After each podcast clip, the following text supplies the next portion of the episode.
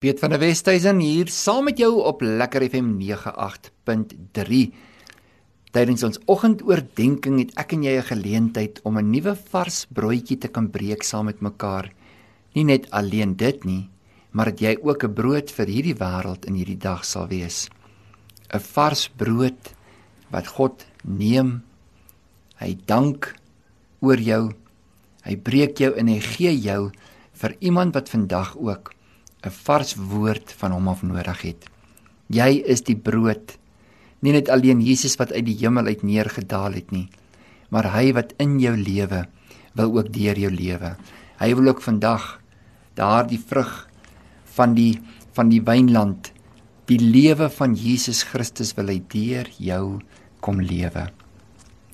Ons gesels hierdie week dag 1, 2 en 3, soos vandag by dag 4, praat ons oor God is gees. Ons praat oor om te lewe deur die gees. Ons het vir mekaar gesê dat ons kan net deur die gees lewe as die Heilige Gees ons lei. En kom ons praat vandag 'n bietjie oor tekens van die teenwoordigheid van die Heilige Gees. Ek weet nie van jou nie, maar in my lewe is die ou vlees maar altyd teenwoordig. Dit is so asof daar soms net wanneer God met my praat om iets te doen, daar maar altyd 'n ou vleeslike verwysing is. Partykeer se mens net nie lus nie. Ander keer dan hou mense vas aan die dinge wat in jou gebeur het en die dinge wat met jou besig is om te gebeur dat dit moeilik is om die wil van die Here te volbring. Maar tog is God besig met jou en met my om die goeie wil die welgevallige wil en uiteindelik ons te bring na die volmaakte wil van God vir ons lewens. Daardie volmaakte wil skakel ook dan die welgevallige wil uit. Ons beweeg van een na die volgende toe. Daar's 'n orde in die progressiewe beweging van die wil van die Here. Selfs dinge wat jou vroeër geoorloof was om te gedoen het, is ewe skielik nie meer vir jou aanvaarbaar nie want jy besef daar is 'n beter lewe vir my om te kan lewe en ek wil dit doen. Die Heilige Gees is nie net 'n onsigbare teenwoordigheid nie. Alhoewel die Heilige Gees verwys na word as die duif, die wind wat waai. Ons weet nie waar hy vandaan kom nie, maar ons kan tog sy geritsel in die takke sien. Iemand wat deur die Gees lewe, se lewe lyk anderste as iemand wat nie deur die Heilige Gees gelei word nie. Dis nie dieselfde nie. Die manifestasie is anders. Tog kom Jesus en hy sê ek hoor nie wat die boom vir my sê nie. Ek kyk na die vrug wat hy dra kinders van die Here is tog so baie keer in argumente en probeer mekaar oortuig van wie's die geestelikste en wie's reg en wie's verkeerd en God wil eintlik maar net hê ek en jy moet deur die lewe wat ons leef die teken dra van die Heilige Gees. En tog sien ons so duidelik in Galasiërs 5 vers 22. Onthou jy nog as kind as jy dalk groot geword het in die kerk of in 'n kinderbediening of 'n uh, kinder uh, wat het ons Sondagskool genoem. Dan het jy die vrug van die Gees geleer. En dis in Galasiërs 5 vers 22. Ons lees uit die Afrikaanse 53 vertaling. Maar die vrug van die Gees is liefde, blydskap, vrede, lankmoedigheid, vriendelikheid, goedheid, getrouheid, sagmoedigheid en selfbeheersing. Nou wanneer ons oor hierdie aspekte, kwaliteite, karakter van die vrug van die Gees lees, dan is ons baie keer geneig om dit so te doen. Maar die vrug van die Gees is liefde, blydskap, vrede, lankmoedigheid, vriendelikheid, goedheid, getrouheid, sagmoedigheid, selfbeheersing. Ons praat so vinnig oor die gedeeltes wat 'n bietjie meer uitdagend is waarvan die vrug nog ontbreek. Kom ons sê vir mekaar dat die Heilige Gees is in persoon teenwoordig in ons lewe. Ons het nie net die arm of die been in beeldspraak van die Heilige Gees nie. Die volheid van die Gees sonder mate kom woon in ons. Hierdie aspekte en kwaliteite van die Heilige Gees is vol. Alhoewel dit nie manifesteer nie en alhoewel daardie vrug nie deur ons lewe gewys word nie, is omdat van die wortels af tot daar by die punt van die tak waar die vrug moet uitstoot, daar 'n blokkade is. Die vrug van die Gees kan nie by die punt van volwassenheid uitkom as daar nie 'n vloei is van die wortels af op deur die stam, deur die sytakke tot daar by die bloeisel nie. God wil jou lewe weer van wortelgebied af regdeur skoonmaak. Alles wat 'n blokkade is in jou lewe. Dit beteken jy mag dalk seer gekry het in 'n area van jou lewe. Jy mag dalk teleurgesteld wees. Iemand kon iets aan jou gedoen het. Jy kon dit self gedoen het. En daardie letsel, daardie breek in die vloei van die aar wat van die wortel af daar wie jy ingeënt is in hom, Jesus Christus die volëinder van ons geloof. Jy kan uit die uit die grond van die liefde van Christus kan jy alles deur jou wortels optrek wat jy nodig het. Deur die die wortels wat jy geanker het in hom is die volheid van God deur Christus vir jou beskikbaar. Jou genesing is beskikbaar. Jou blydskap is beskikbaar. Die voorsiening, die beskerming, alles wat jy moontlik in Christus kan hê, is vir jou beskikbaar. Jou wortels is geanker in hom.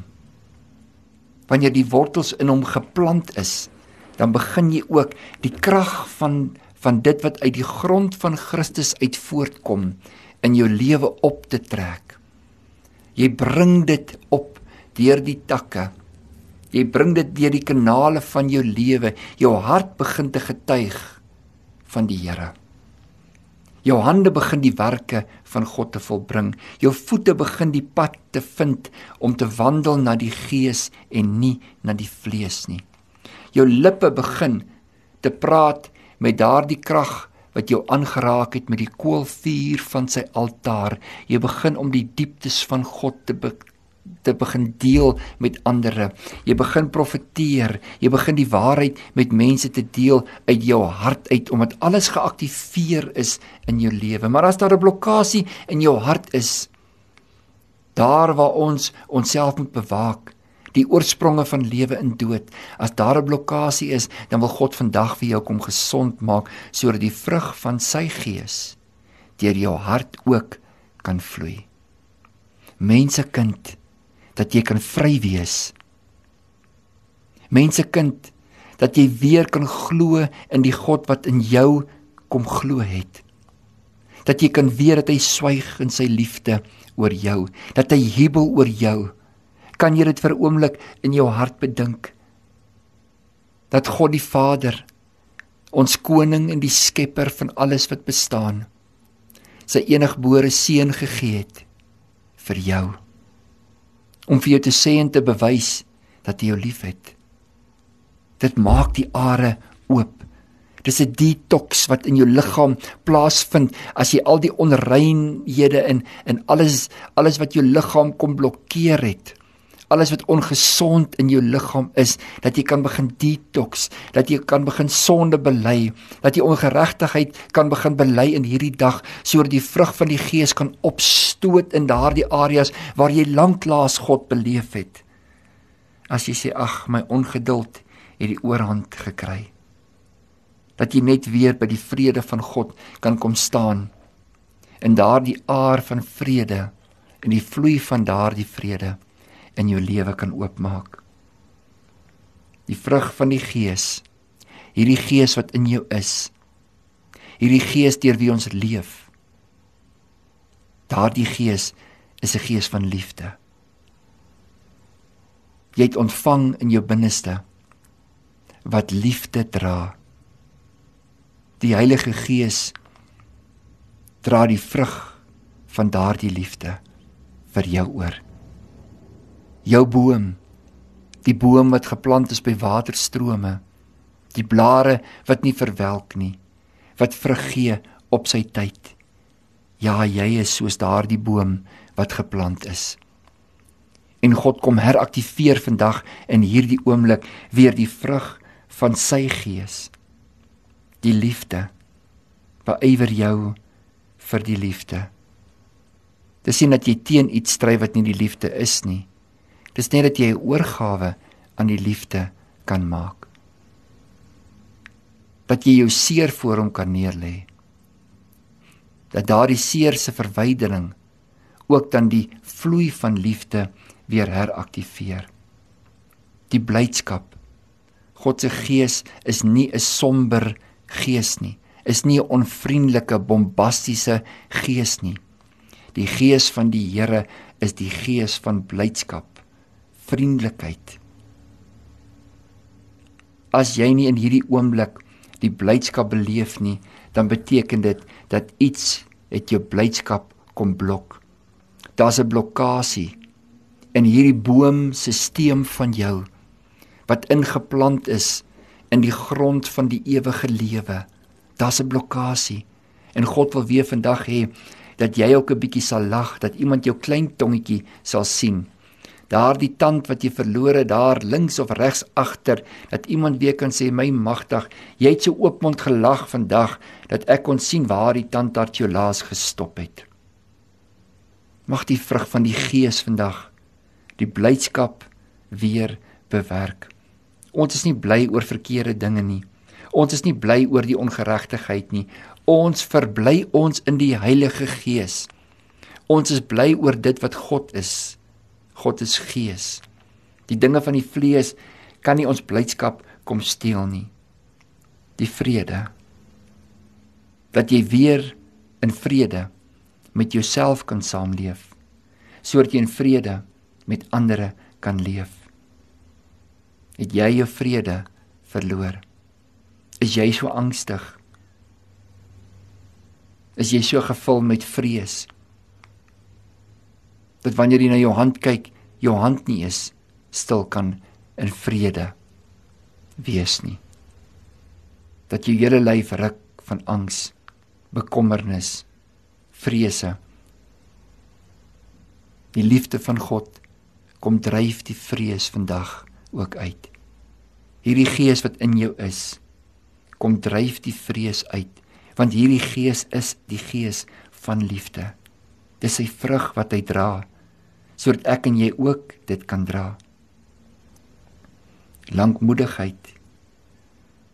Hierdie gees wat in jou is, is 'n gees wat lankmoedigheid bewerk. Die ongeduld wat in jou lewe teenwoordig is, wil God vandag kom aanraak. Al hierdie vinnige gous, alles moet nou gebeur. Dit het gebeur en en net wil God wil net kom sê, kom sit hier so my seun. Kom sit hier my dogter. Kom haal net eers weer asem. Lankmoedigheid. Vriendelikheid. Goedheid. Getrouheid sagmoedigheid selfbeheersing die gees wat jy het is 'n gees van krag liefde en selfbeheersing. Die vrug van die gees is ook selfbeheersing. Onthou net alle gewoontes elke gedragspatroon het jy vir jouself aangeleer van waar en van wie af ook al. Vir daardie selfde rede kan jy ook elke gedragspatroon afleer. Kan jy ook die een wees wat besluit in jou lewe ek gaan nie dit aanhang nie. Ek verander hierdie gedrag in my lewe. Hierdie afhanklikheid, hierdie verslawing, hierdie ding wat ek doen. Die manier hoe ek iets doen. Ek verander dit vandag want die Heilige Gees wat in my teenwoordig is, bewerk die vrug van wie hy is ook in en deur my. Moet nooit vergeet dat jy kan staatmaak en jouself beroep op die Heilige Gees van God wat in jou lewe teenwoordig is nie. Beleef vandag die volheid van die vrug van die Gees. Piet van die Wesduisen sê vir jou Jy kan deur sy genade. Amen.